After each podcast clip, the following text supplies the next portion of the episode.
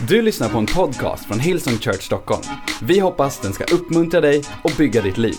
För att få mer information om Hillsong och allt som händer i kyrkan, gå in på www.hillsong.se. Hörrni, vi ska tala om vårt nästa steg. Erik började prata om det, jag tänkte nu snor han min predikan.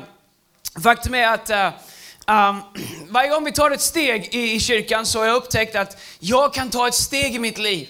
Om jag är planterad i kyrkan, om jag är planterad i Guds hus, nu, nu säger jag någonting som jag inte kommer säga ofta, du kan sänka min monitor lite grann medan vi trimmar in här. Men gör det inte till en vana, alright? Uh, varje gång vi, vår kyrka tar ett nytt steg så uh, finns det ett opportunity för oss individer att också ta ett nytt steg. Vad menar jag med det? Jo, om jag är planterad i, i Guds hus, Bibeln säger i psalm 92, vers 13, den som är planterad i Guds hus kommer alltid att blomstra. Så om jag är planterad i Guds hus och Gud leder oss som kyrka att ta ett nytt steg, vilket vi gör nu. Om du hörde mig predika i morse så pratade jag om New Roads i New Rivers och saker vi står i tro för ska kunna ske den här hösten, även om jag inte kunnat berätta allting än. Men jag är övertygad om att det här är en höst där vi kommer ta de, kanske de största stegen som vi har tagit sedan vi startade vår kyrka. Och det är ingenting som jag bara säger, det finns en praktisk verklighet bakom det som jag hoppas kunna dela med på Heart and Soul. Men jag har märkt i mitt liv att när det finns steg för oss som kyrka att ta, när jag inser att om jag attachar mitt liv till det och samtidigt tar egna steg själv, så kommer samma välsignelse som är över kyrkan vara en välsignelse i mitt liv. Så jag letar alltid efter säsongen när Gud kallar oss som kyrka att ta nya steg och så frågar jag Gud, Gud vilka steg är det du vill att jag ska ta nu när du kallar oss att ta nästa steg? Igår kväll så, uh, så körde jag upp till någonstans utanför Ockelbo, hämtade Selina, hon var på basketcamp. Och uh, hon skulle vara med och sjunga idag, så jag körde upp och hämtade henne. Och uh, man kommer upp dit, det är ju E4 hela vägen upp tills uh, befolkningen, upp så här, bebyggelsen slutar någonstans där vid E4, man svänger av. det är inte så långt upp, det är halvvägs till Sundsvall, så det är ju inte vansinnigt norröver. Men man kommer upp det så, så kör man och sen så ser det mindre och mindre ut och till slut så tänker man jag kommer sluta hemma på någon loge innan laggård. Men det låg någon slags eh, skola där och eh, jag hämtar Selina och sen när vi ska åka tillbaks de här tre milen ut till E4. Jag tänker om jag bara kommer till E4 så hittar jag hem. Jag har åkt så mycket på E4 upp och ner så om jag bara släpper min bil på E4 så hittar den hem. Vare sig vi är norr eller söder. Men när jag var på väg mot E4 från basketcampen så ringde min fru Lina Nej, jag hävdar och har sagt till min fru att jag har en inbyggd GPS. Jag kan inte köra fel. Och därför så behöver jag aldrig fråga om vägen. I, ibland så kan man välja kreativa vägar för att komma dit man ska. Men den väg som man kör som man är alltid den rätta och alla män sa. Ja, min fru tycker ibland när vi är ute och åker om vi inte hittar, nu har man ju så Google eh, Map och alla grejer, men när man inte hade det, ska vi inte stanna och fråga vägen? Och jag sa, det behöver man bara göra om man inte vet vart man är. Det är meningen, det var min mening att köra den här omvägen. Har du sett hur det ser ut här? Jag ville visa dig allt det här. Så jag, jag kör och min fru ringer. Och när jag kommer till E4, istället för att svänga söderut, så svänger bilen av sig själv norrut. Alltså jag ska byta in den bilen, det är fel på den bilen alltså. Och jag pratar med Lina och vi pratar om idag, vi pratar om massa olika saker, vi fastnar i massa grejer om kyrkan. Vi fastnar i massa olika saker som, och vi, vi, vi hamnar i en ganska in, i, liksom intensiv dialog, inte debatt utan dialog och, om saker och ting. Och helt plötsligt säger jag, eller lägger vi på, och så säger jag skit. Min dotter som inte har sagt ett ord till mig utan gick rätt in och satte på iPaden och stoppade i hörlurarna. Välkommen till mitt nya tonårsliv. Eh, hon tar ur luren och säger, vadå? För första gången. Det var väl något ord som hon kände igen antar jag stoppar in hörlurarna igen så jag inte hinner svara. Och jag tänker, jag har kört fyra och en halv mil åt fel håll. Uh, vänder bilen, åker tillbaks. Uh, jag tror att uh, vi, uh, vi made up for that time. Men uh, jag inser att det spelar ingen roll om du är på rätt väg i livet om du åker åt fel håll. Jag inser att det spelar ingen roll hur mycket jag vet vart vägen går om jag inte ser till att jag är på den väg som jag behöver vara på. Att ta nästa steg i livet definieras av alltså två saker. Nummer ett är att veta vägen, där man ska gå på. Det andra är att se till att man går åt rätt håll. Därför att, lyssna, kanske någon förstår vad jag säger. Det är enkelt ibland att, gå, att vara på rätt väg men gå åt fel håll. Kanske är det så att du är på den väg som Gud har dig på, men du har vänt dig om och istället för att gå framåt så går du tillbaks på någonting där du kommer ifrån. Det är som att du är på rätt väg men du åker åt fel håll. Gud vill att vi ska ta nästa steg, men inte bara åt vilket håll som helst, utan åt det håll som han leder oss. Är du på väg någonstans överhuvudtaget, eller är du bara ute och åker? Så det finns människor som bara är ute och åker. De hamnar alltid framför mig. Händer det dig också? Det är som att så fort jag ska någonstans så ringer de varandra allihopa och säger, ska vi bara ut och åka? Och så är de där överallt och bara åker.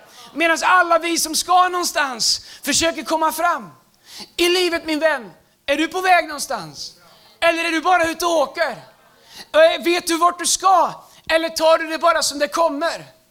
Faktum är att Gud säger att vi kan leva vårt liv med både mål och mening. En del säger, det är resan som är målet. Jag säger, skitsnack.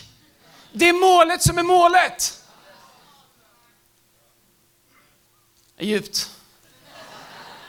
Det är resan som är målet. Hur kan resan vara målet?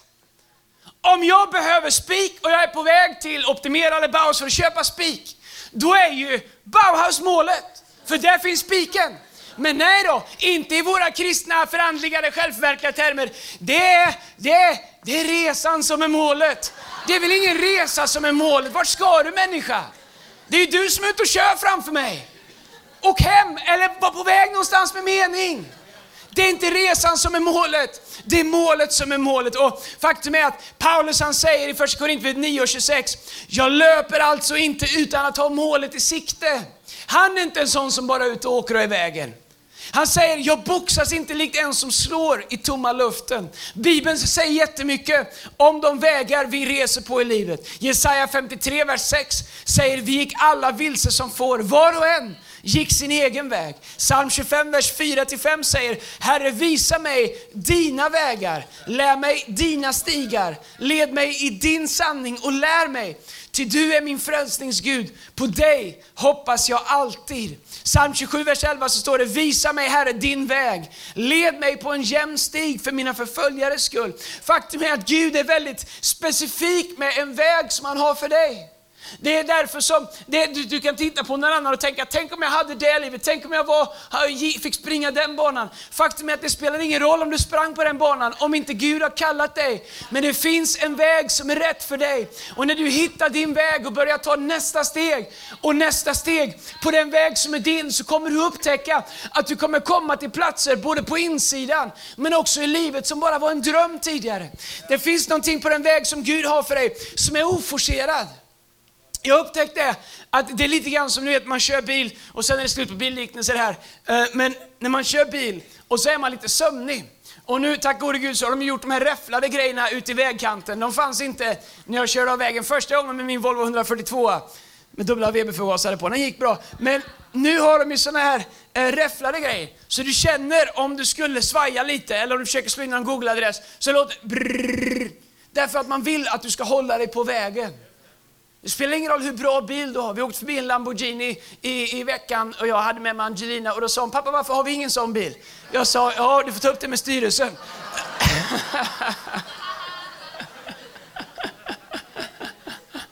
Det kan bli svårt att få igenom det.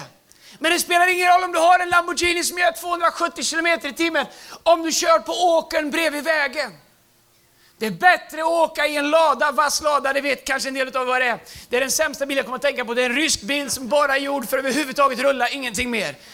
Det är bättre att sitta i en vass lada på vägen än i en Lamborghini ute, på, ute i diket. Därför att det är inte hur fint du åker, det är om du är på den väg som Gud har kallat dig att vara på som avgör hur fort du kommer fram. De flesta utav oss, vi är fullt upptagna. Men jag känner att jag håller på att skriva en ny predikan, jag vet inte vad det är. Men de flesta utav oss, vi är fullt upptagna med vårt fordon. Och inte utav vägen. Vi är fullt upptagna med hur ser det ut när jag åker.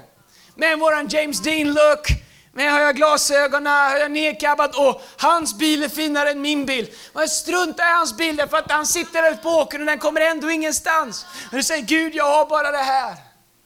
Men Gud säger, var glad. Därför att du har tagit det du har och du håller dig på vägen. Därför kommer du komma dit jag har kallat dig. Min vän, kanske det är att du börjar i något litet sketet enhjuling som du sitter och cyklar på och du tycker ska det gå så här långsamt. Men jag lovar, ju längre du stannar på vägen ju bättre kommer du åka. Därför att på den vägen så finns välsignelse efter välsignelse efter välsignelse. Och jag menar inte bara andligt, jag menar även fysiskt och praktiskt här på jorden. Relationen med Gud handlar inte om att liksom klippa in och ut verser som vi tycker funkar bra. Alltså jag vet att det är det moderna sättet att, att leva vårt liv. Jag tar lite, bit, lite det, och jag tar lite det, och så tar jag lite så. Och när det kommer till relationer så tar jag a little bit of Monica in my life, a little bit of Rita. Och så, så klistrar jag ihop någonting som passar mig. För var och en blir salig på sin tro. Men faktum är att om vi tror på Bibeln så är det inte sant. Var och en blir salig på sin tro på Jesus. Och han beskriver sig som vägen, sanningen och livet. Och han säger ingen kommer till Fadern om vi inte åker på den vägen som heter Jesus Kristus. Därför så, så kan vi inte bara klippa ut det vi vill ha för att supporta den väg som vi Bibeln säger att var och en, var och en går, går, sin egen väg, men i slutet leder den till döden. Om vi inte väljer den väg som är Jesus Kristus. Nej, tvärtom. Att följa Jesus, det handlar om att låta hans väg för mitt liv bli min väg för mitt liv. Att inte brottas och streta emot. Jag vet inte om du har dansat med något kylskåp någon gång. Det är en term för någon som är svår att bugga med. Eh, ni kanske inte buggar, men i min, eh, yngre, mina yngre dagar så eh, kunde jag faktiskt svänga lite. Jag vet Janne Liljero, han är en hejare på det där. Jag kommer ihåg ett möte när vi hade uppe dig och buggade. Jag fick lite dåligt självförtroende, men, men jag är hyfsad okej. Okay. Men lite nu och då så fick man någon så här stelarmad eh, sak eh, som man skulle försöka. Och det var, det är svårt att föra någon som försöker föra tillbaks. Det blir liksom, det ser mer ut som grekisk-romersk brottning. Alla vet att det inte är mysigt på något sätt. Två håriga svettiga, svettiga ryssar med liksom som står och håller om varandra och kramas. Det är bara Marcus Agemo som tycker sånt är härligt. Och, men har du provat att dansa med någon som inte vill följa? Jag undrar hur det är för Gud ibland. När han försöker föra oss genom livet, hjälpa oss att ta nästa steg. När vi säger, tack Gud jag hör vad du säger, men kan vi göra så här? Och så försöker vi dra i honom och han säger, nej, jag är en urgamla klippa som aldrig flyttas. Du kan dra tills du är helt slut, men jag är inte flyttbar. För att Jesus säger att han är vägen, sanningen och livet. Ingen kommer till Fadern om det inte är på det sätt som Jesus har sagt. Men Guds plan för ditt liv, det är att du ska växa och expandera. Men vi måste bestämma oss vem som för och vem som följer. En fråga att ställa oss själva lite nu och då, det är att liksom stilla oss inför Gud och säga Gud, är det jag eller du som för? Lite nu och då så är jag inför Gud och ställer den frågan och jag inser, är det jag som för? Och jag ber honom att följa. Och jag använder alla kristna förtecken jag kan för att rättfärdiga det faktum att jag faktiskt ber Gud att följa mig. Och jag citerar hans ord, jag, jag, jag proklamerar hans löften och hans välsignelser. Men i praktiken så är det inte Gud som för mig, utan jag som försöker föra Gud. Och så undrar jag, varför går det så trögt? Och så kommer jag till den plats jag får komma till om och om igen i min envishet och omognad.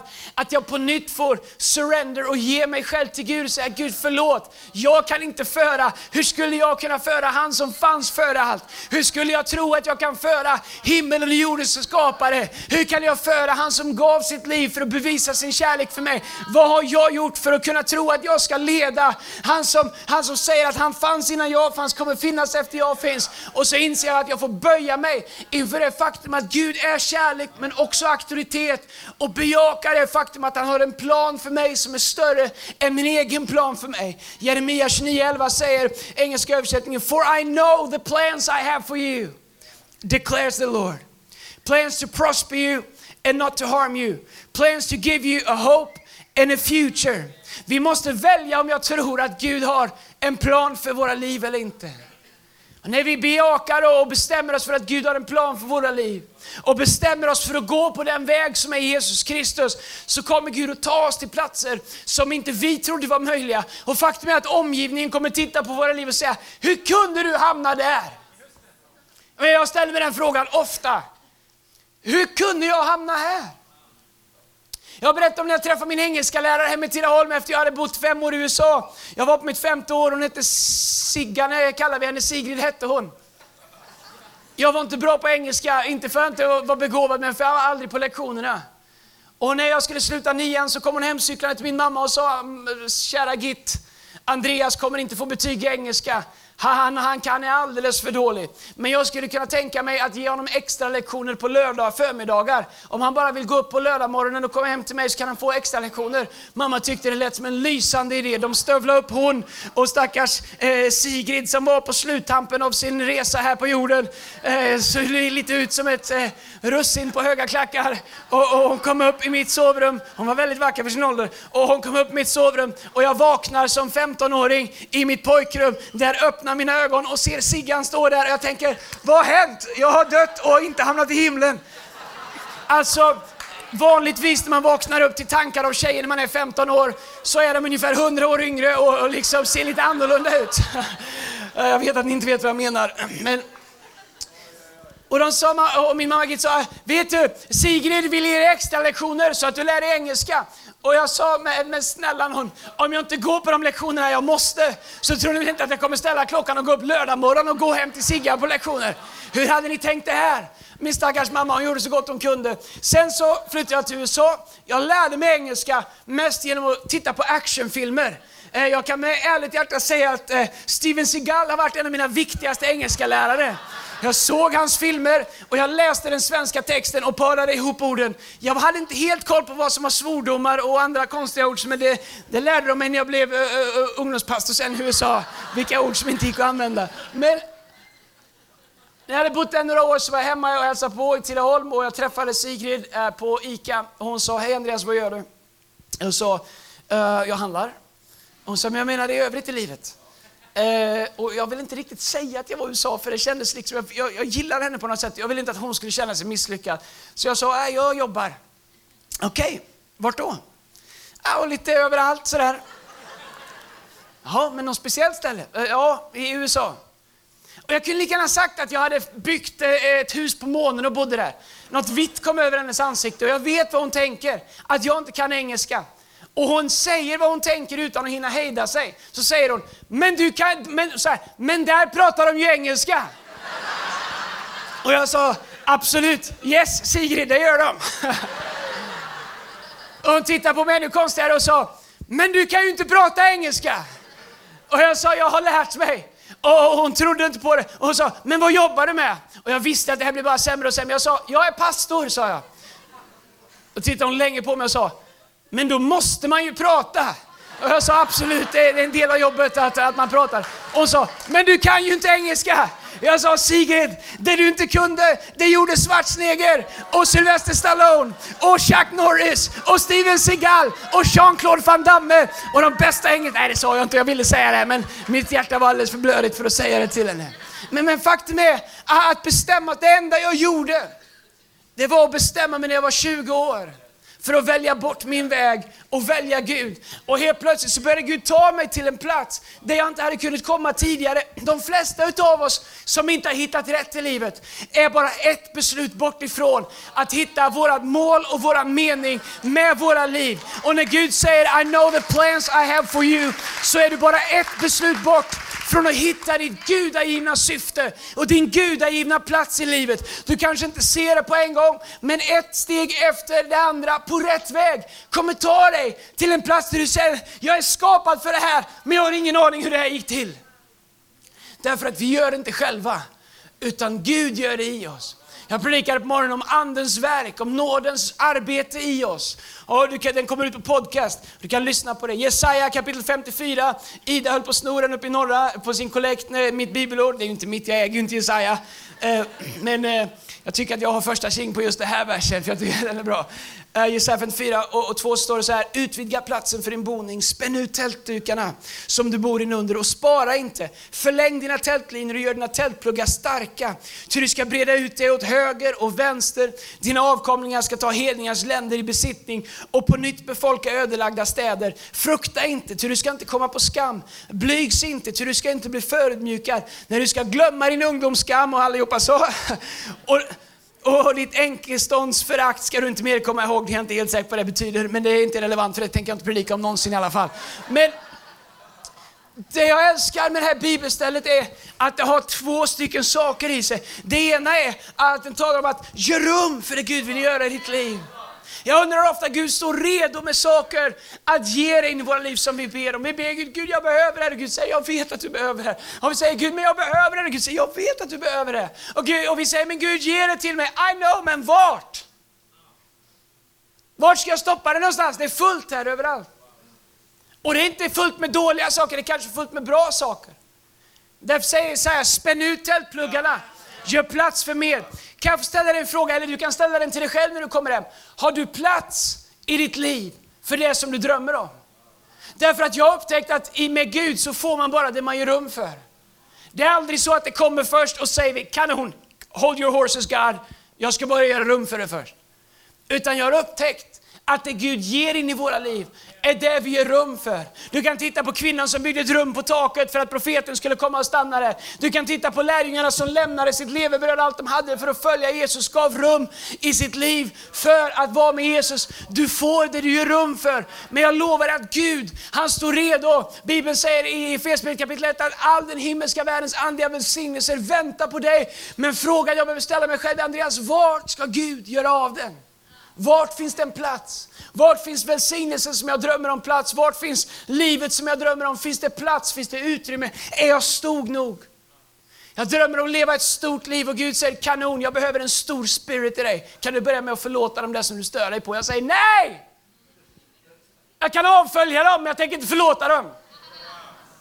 Men Gud säger du kan inte leva ett stort liv om du ska hålla dig på en liten nivå. Du måste bli större. Så du kan be för dem som förföljer dig. Gud säger om du vill att du ska göra stora saker i ditt liv så måste du själv först bestämma dig för att bli stor.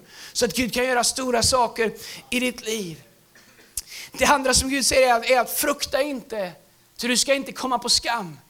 Vad hade vi gjort om vi inte hade varit rädda för att komma på skam? Om vi inte hade varit rädda för att, för att liksom det inte skulle gå som vi hoppas. Om failure, om misslyckande inte hade varit en option, vad hade du då vågat göra? Men vet du vad jag upptäckt? Jag har upptäckt att det Gud kallar mig till, det tar han ansvar för att genomföra i mitt liv. Det är bara när jag tycker att det borde komma tidigare, så att jag kan visa upp det för er i mitt liv och på så sätt säga, se jag bad om det, jag fick det, som jag tycker att det är svårt. Lyssna vad jag säger, låt mig säga det igen. Det Gud kallar mig till och kallar dig till, det tar han ansvar för. Om jag säger vad jag är kallad till, så uppstår en diff i mitt liv mellan det jag är nu och det jag drömmer om att jag var kallad till. Om jag tycker att det tar för lång tid, så blir jag frustrerad därför att jag vill visa upp vad jag känner att jag bär på. Men Gud säger, du får det när jag tycker att du är redo. Och därför så måste viljan att leva ett stort liv för Gud vara större och viktigare än att imponera på människor runt omkring. Fariséerna de var helt, jag har bestämt mig vart jag ska ha den här predikstolen än. Vi får, vi får ha lite så inskolning här. Fariséerna de var fullt upptagna med att andra människor skulle bejaka deras stora andlighet. Jesus sa, ni är som sådana som polerar bägaren på utsidan, men insidan är full av smuts. Det är bättre att låta Gud polera din insida och att utsidan fortfarande ser lite smutsig ut. Därför att det som sker på insidan kommer till slut börja utarbeta sig i hela ditt liv. Så låt dem säga vad de säger, låt dem missförstå. Kanske är det så att inte alla ser det, men Gud ser vad vi låter honom göra på insidan av våra liv. Och där så föds någonting som får oss att kunna komma dit Gud har kallat oss eh, till att komma i Jesu namn. Okej, okay, så hur tar man nästa steg. Hur kan man gå på Guds väg och få vad han har lovat och ta nästa steg? Alla har ett nästa steg. Jag är övertygad om att om jag satt ner tio minuter med dig skulle vi komma fram till att du har ett nästa steg som du drömmer om. Att du har ett nästa steg som, som du egentligen vet om, kanske du inte ens vågat sätta ord på det, men du vet innerst inne ditt hjärta vet. Bibeln säger att vad inget öga har sett, vad inget öra har hört, vad inget människohjärta har förstått, det har Gud uppenbarat för dem som älskar honom. Så Gud har lagt det där inom dig, även om du inte ens kan formulera det. Om du inte kan se det, höra det eller enligt inre formulera det. Så om vi sitter där du och jag och börjar skala och jag börjar ställa frågor om fruktan inte var, eller rädsla, eller du vet den svenska jante lagom liksom filosofin, om den inte var närvarande så skulle vi komma fram till att du har ett nästa steg som du drömmer om att ta. Och vi skulle upptäcka att det är den helige Ande som har lagt det i dig och lockar dig till det. Och när vi stannar för länge där Gud har tänkt att vi ska gå vidare ifrån så uppstår en frustration i våra liv. Därför att vi känner oss lockade till någonting som ligger framför. Men vi vet inte och vågar inte och är för nervösa och kanske alla möjliga orsaker gör att vi inte vågar ta det där steget. Vet du, ett steg ut i det okända med Gud är mycket tryggare än att stå kvar när Gud går vidare. Ett steg ut i det okända med Gud är alltid tryggare än att stå och hålla fast i det kända när Gud kallar oss att gå vidare. Det är därför jag ber att vi som kyrka aldrig någonsin skulle bli en konsoliderande kyrka, även hur fint och ansvarsfullt det än låter. Nej, vi ska bara konsolidera och stanna kvar här. Vet du vad vi gör? Om Gud går så följer vi. Men Andreas, vi, vi tappar vår förra lokal. Vi har inte tappat någonting. Vi kan inte tappa lokaler. Vi kan bara tappa bort Gud. Om Gud leder oss vidare, oavsett hur det kommer, så är vi på rätt plats i rätt tid och gör rätt sak. Det enda vi kan tappa är att tappa bort Gud. Vi kommer aldrig stå och hålla fast i någonting om Gud leder oss vidare. Dessutom är det så att de största välsignelserna som har kommit in i vårt hus har varit förklädda i de största utmaningarna. Okej, okay, så hur kan man ta sitt nästa steg och vad är ditt nästa steg? Och Först, vad händer när vi inte tar vårt nästa steg? Jag har pratat om det de sista veckorna. Pratat om Kaleb och Josua. Pratat om de tio spejarna. Om hur de inte vågade ta nästa steg, hur en hel generation fick eh, vänta i öknen och faktiskt dö innan Josua-generationen kunde gå in i landet. När vi inte tar nästa steg så dör någonting i våran, i, i, liksom i våran samvaro. Någonting dö, börjar dö i vårt liv. Därför att det finns liv där Gud är. Därför måste vi våga följa honom och inte stanna kvar. Men vad händer när vi tar nästa steg? Jag, jag älskar kanske den storyn jag älskar mest i hela Bibeln och kanske det jag förknippar mig själv med mest. Inte så att jag skulle vara likadan, men det jag kan relatera själv till mest är storyn om Josef. Josef får en dröm. Han är stor, han är stor i truten, han pratar, han är ung, han är ambitiös, han har en grandios självbild. Han ser en dröm om hur kärvar kommer kommer att buga sig, hur sol och måne och stjärnor kommer att buga sig för honom. Och han tycker det är fantastiskt, alla måste väl tycka att det är lika fantastiskt som jag. Så han springer till sin far, sin mor och sina elva bröder och säger, jag har haft en dröm, ni ska buga er för mig, är inte Gud god? De tycker inte att Gud är lika god och de tycker inte drömmen är lika fantastisk. Så de slänger honom i en brunn. Så han går från uppenbarelse av en dröm som faktiskt var sann, även om han tog emot den omoget och hamnar i en brunn, så står han i ett läge där han enkelt kan avfärda nästa steg och säga till Gud, Gud jag tog nästa steg, titta vart det tog mig någonstans. Så enkelt för oss att titta tillbaks på saker som har hänt oss och säga, Gud jag tog nästa steg. Titta vad som hände. Jag vågade satsa på en relation. Titta vad som hände. Jag vågade starta ett företag. Titta vad som hände. Jag vågade ge mig till en kyrka. Titta vad som hände. Jag vågade liksom gå med i en connect Titta vad som hände. Och bara för att du gick med i connect från helvetet betyder det inte att alla våra 150 connect är sådana. Vi har ingen som är riktigt därifrån. Jag tror inte vi ens har några som är nära. Men du kanske var med i en annan kyrka? I don't know. Och det finns alltid en, men jag säger inte vilken. Nej, det gör det inte. Jag skojar Jag lovar att vi ska göra allt vi kan för att du inte hamnar där. Alltså i korrektgruppen. De viktigaste stegen tar vi när vi har en giltig orsak att inte ta mer steg. De viktigaste stegen jag har tagit är de stegen jag har tagit när jag mänskligt har kunnat försvara att inte ta fler steg. Josef hamnar i en brunn. Han har ingen anledning att ha en bra attityd. Han har ingen anledning att ha en bra spirit. Han har ingen anledning att ha liksom en positiv bekännelse. Men han hamnar i en brunn, han blir uppfiskad, hamnar i Puttifars hus. Men han fattar ett beslut. Han säger, här i Puttifars hus så är mitt nästa steg inte att se min dröm bli uppfylld. Men jag har ändå ett nästa steg, säger han. Mitt nästa steg är att visa excellens för Puttifar. Jag ska göra det jag har fått i min hand, jag ska göra det bästa av det. Och sen så finner han att mitt i någonting som är långt borta från det han drömmer om, så finns det ändå ett nästa steg som visar sig vara absolut nödvändigt. Därför att hans steg han tar i Puttifars hus leder honom till fängelset. Man tycker nästa steg, hur, hur, how does it work for you? Well, jag hamnar i fängelse. Var det ett bra steg då? Ja, det var ett bra steg. Därför att i fängelse träffar han en, en, en butler och en munkskäck, en bagare och en, en bartender kan man säga. Sant. Och han tyder deras drömmar och lite senare när de är frigivna så är de hos farao, hos kejsaren som behöver en dröm tyd. Och de säger, det fanns någon där, vi är inte säkra på vem han är, han kom från Puttifars hus innan den vattenbrunn, han pratade om månar och solar och kärvar som bugar sig. Han är lite spacey, men han kan tolka drömmar. Helt plötsligt så står Josef inför farao och får leda hela landet. Varför? Därför att han insåg att det fanns ett nästa steg att ta i alla olika situationer i livet. Oavsett vad som kommer emot dig min vän. Lyssna på vad jag säger. Oavsett vad djävulen skickar mot dig, oavsett vad livet kastar mot dig, oavsett vad som händer, så finns det alltid ett mänskligt nästa steg, ett beslut, om en attityd, ett beslut om en inriktning, ett beslut om att hålla fast i ett löfte som du kan ta, som kommer visa sig avgörande för att ta dig dit Gud har kallat dig att gå. Min vän, det är ingenstans du är där dina beslut inte längre påverkar vart du hamnar. Det är ingen situation i livet, det finns ingen situation i livet där ditt nästa steg inte är avgörande för vart du hamnar. Min vän, vart du än är kan du fatta ett beslut och säga det här är mitt nästa steg. Det är ett litet mänskligt steg, men jag tror Gud att om jag tar det så kommer det leda mig närmare det du har kallat mig till oavsett hur långt bort jag känner mig. Josef lät inte distansen till drömmen hindra honom för att ta nästa steg. Josef gjorde det han kunde där han var. Josef levde fullt ut i nuet. Alla vi drömmare, vår största utmaning är att vi har så lätt att leva när vi är framme istället för att leva här.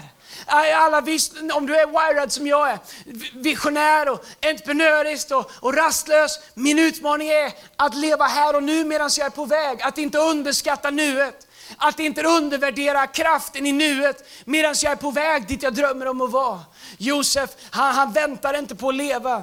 Men mest av allt kanske det viktigaste Josef gjorde var att Josef bestämde sig för att betjäna någon annans dröm medan han väntade på sin egen.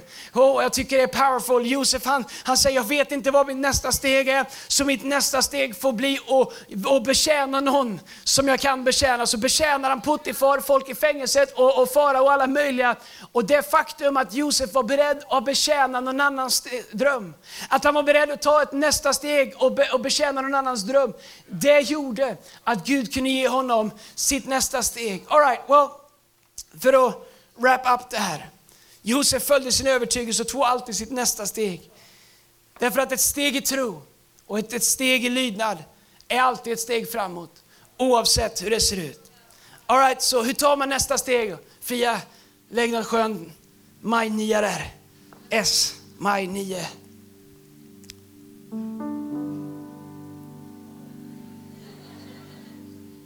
Alltså det är så gött med våran kyrka. Man kan predika hur dåligt som helst så kommer Fia och ge lite ande till det på slutet.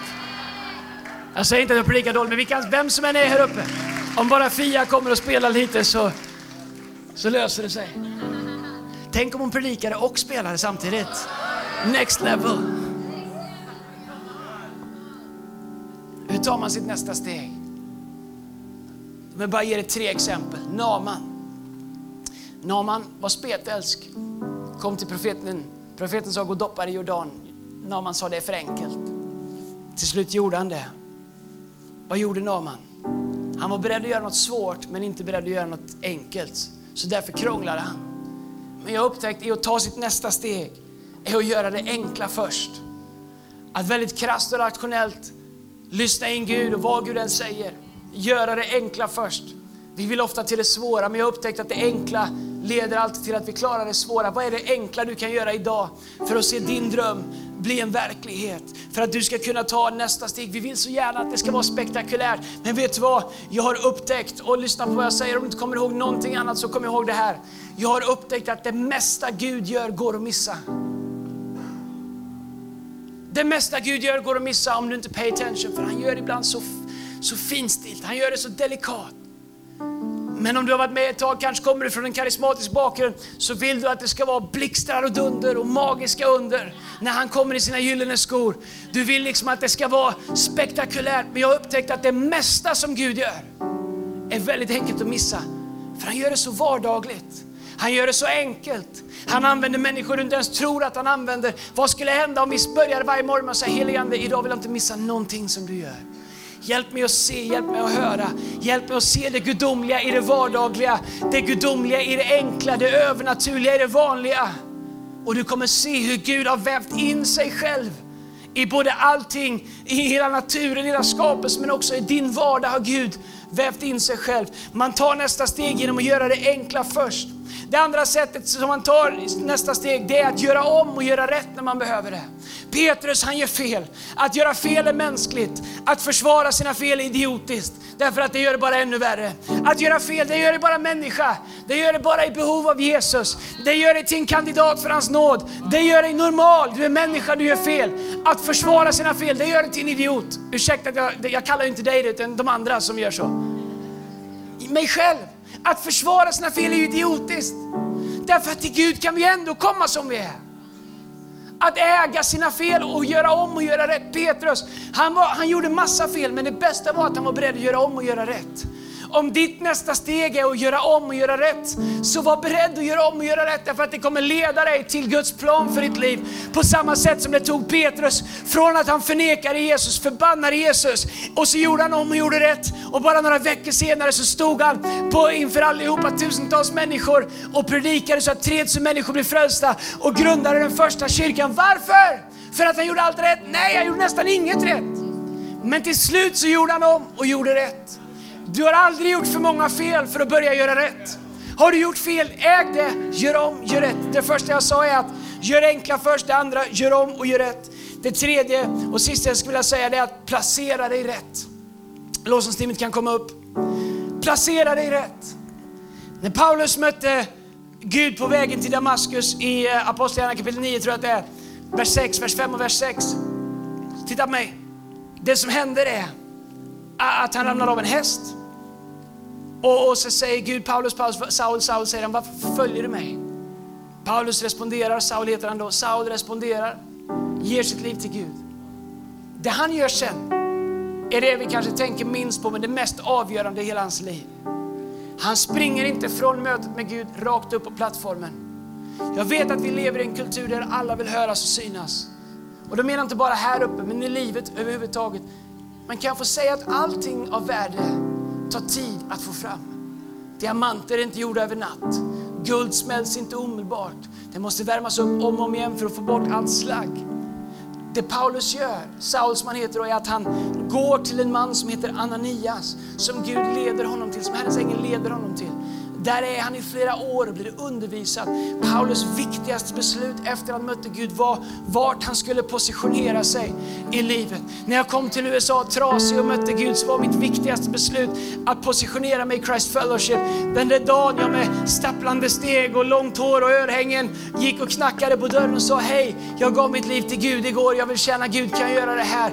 Det var det viktigaste beslutet jag någonsin har fattat därför att jag positionerade mig. Jag var inte färdig, jag var trasig, det fanns så mycket att jobba med med, men jag satte mig i rätt miljö.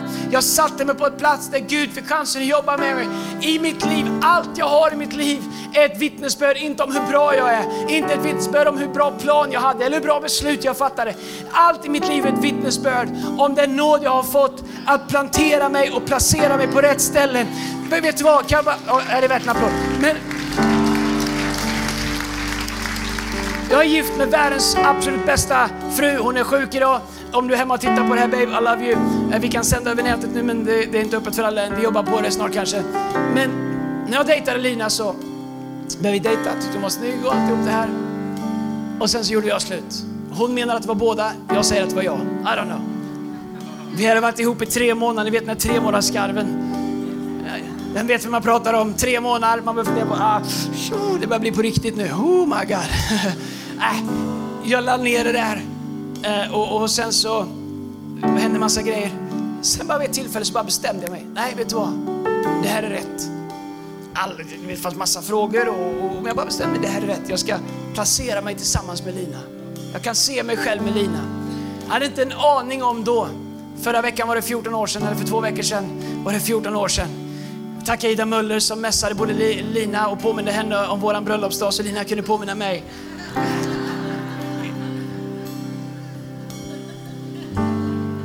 Det finns inte en möjlighet att jag skulle vara det jag är i livet om jag inte vore planterad och placerad tillsammans med Lina. Därför att så mycket av det som är det bästa med mig är ett resultat av hennes kärlek och hennes bekräftelse till mig. När mitt liv var helt upp och ner 2005 efter jag hade avslutat en session i en annan kyrka och jag, jag hade tappat allt mitt självförtroende, jag hade tappat hela min dröm och var övertygad om att det inte fanns någon väg framåt. Så gjorde jag inte upp en ny plan. Det enda jag gjorde var att jag gick till Brian Houston och sa, Brian kan jag, kan jag placera mig här? För jag vet nämligen inte vad jag ska göra med mitt liv. Kan, kan jag stå här? Kan jag plantera mig här? Jag, jag, jag förhandlade inte, jag gjorde ingenting. Jag insåg bara att jag måste ta mig till en plats där Gud kan göra vad han vill i mitt liv. Så mycket av våra framtid har att göra med vart vi är placerade, vart vi är planterade. Kan jag bara fråga, vart, är du, vart har du placerat dig någonstans? Vart har du planterat dig någonstans? Paulus han gick till Ananias och han placerade sig där. Därför att vägen mot allt som Gud har för dig börjar alltid med nästa steg. Du behöver inte ta alla steg, men du kan alltid ta ett steg. Du kan alltid ta ditt nästa steg. Du behöver inte fundera på hur du ska ta fem steg, men du kan alltid ta ett steg, även om det är ett litet steg så är det ett stort steg mot det som Gud har lagt i ditt liv. Kolla här vad psalm 119 säger, vers 105. Säger den, det, det, står så här, ditt ord är mina fötters lykta och en ljus, ett ljus på mitt stig. Hebreerbrevet 10.36 säger, ni behöver uthållighet för att göra Guds vilja och få vad han har lovat. Min vän, om du är här idag skulle jag vilja säga, ge inte upp. Gud är med dig. Tappa inte hoppet. Gud är för dig. Och även om det känns som du står still och trampar vatten, även om du som jag lite nu och då tar fel håll på den vägen som är rätt för dig och åker bakåt i det som har varit, så är det bara att vända tillbaka och säga Gud, jag är på rätt väg men jag insåg, inser att jag är på väg till något som har varit. Jag vet att det gamla är förgånget, något nytt har kommit. Bara fatta ett beslut. Bestäm dig den här hösten, new roads, new rivers. Bestäm dig den här hösten att du ska vidare, att du ska ta ett steg framåt, att Gud är med dig, att Gud kan använda dig, att det spelar ingen roll var du kommer ifrån. Du kan placera dig rätt. Du kan göra om och göra rätt om du behöver. Du kan göra det enkla först och du säger jag vet inte vad jag ska göra. Gör det du kan. Gör det enkla. Ta ett litet steg. Sätt tro till Gud. Bestäm dig för att vara på vägen i Jesu namn. Kom on, ska vi stå upp tillsammans? Jag skulle vilja be en bön innan vi ska sjunga en lovsång och Erik ska komma upp och be för er. Yes. Du har lyssnat till en podcast från Hillsong Church Stockholm. Om du vill veta mer om vår kyrka eller om våra söndagsmöten, surfa in på www.hillsong.se.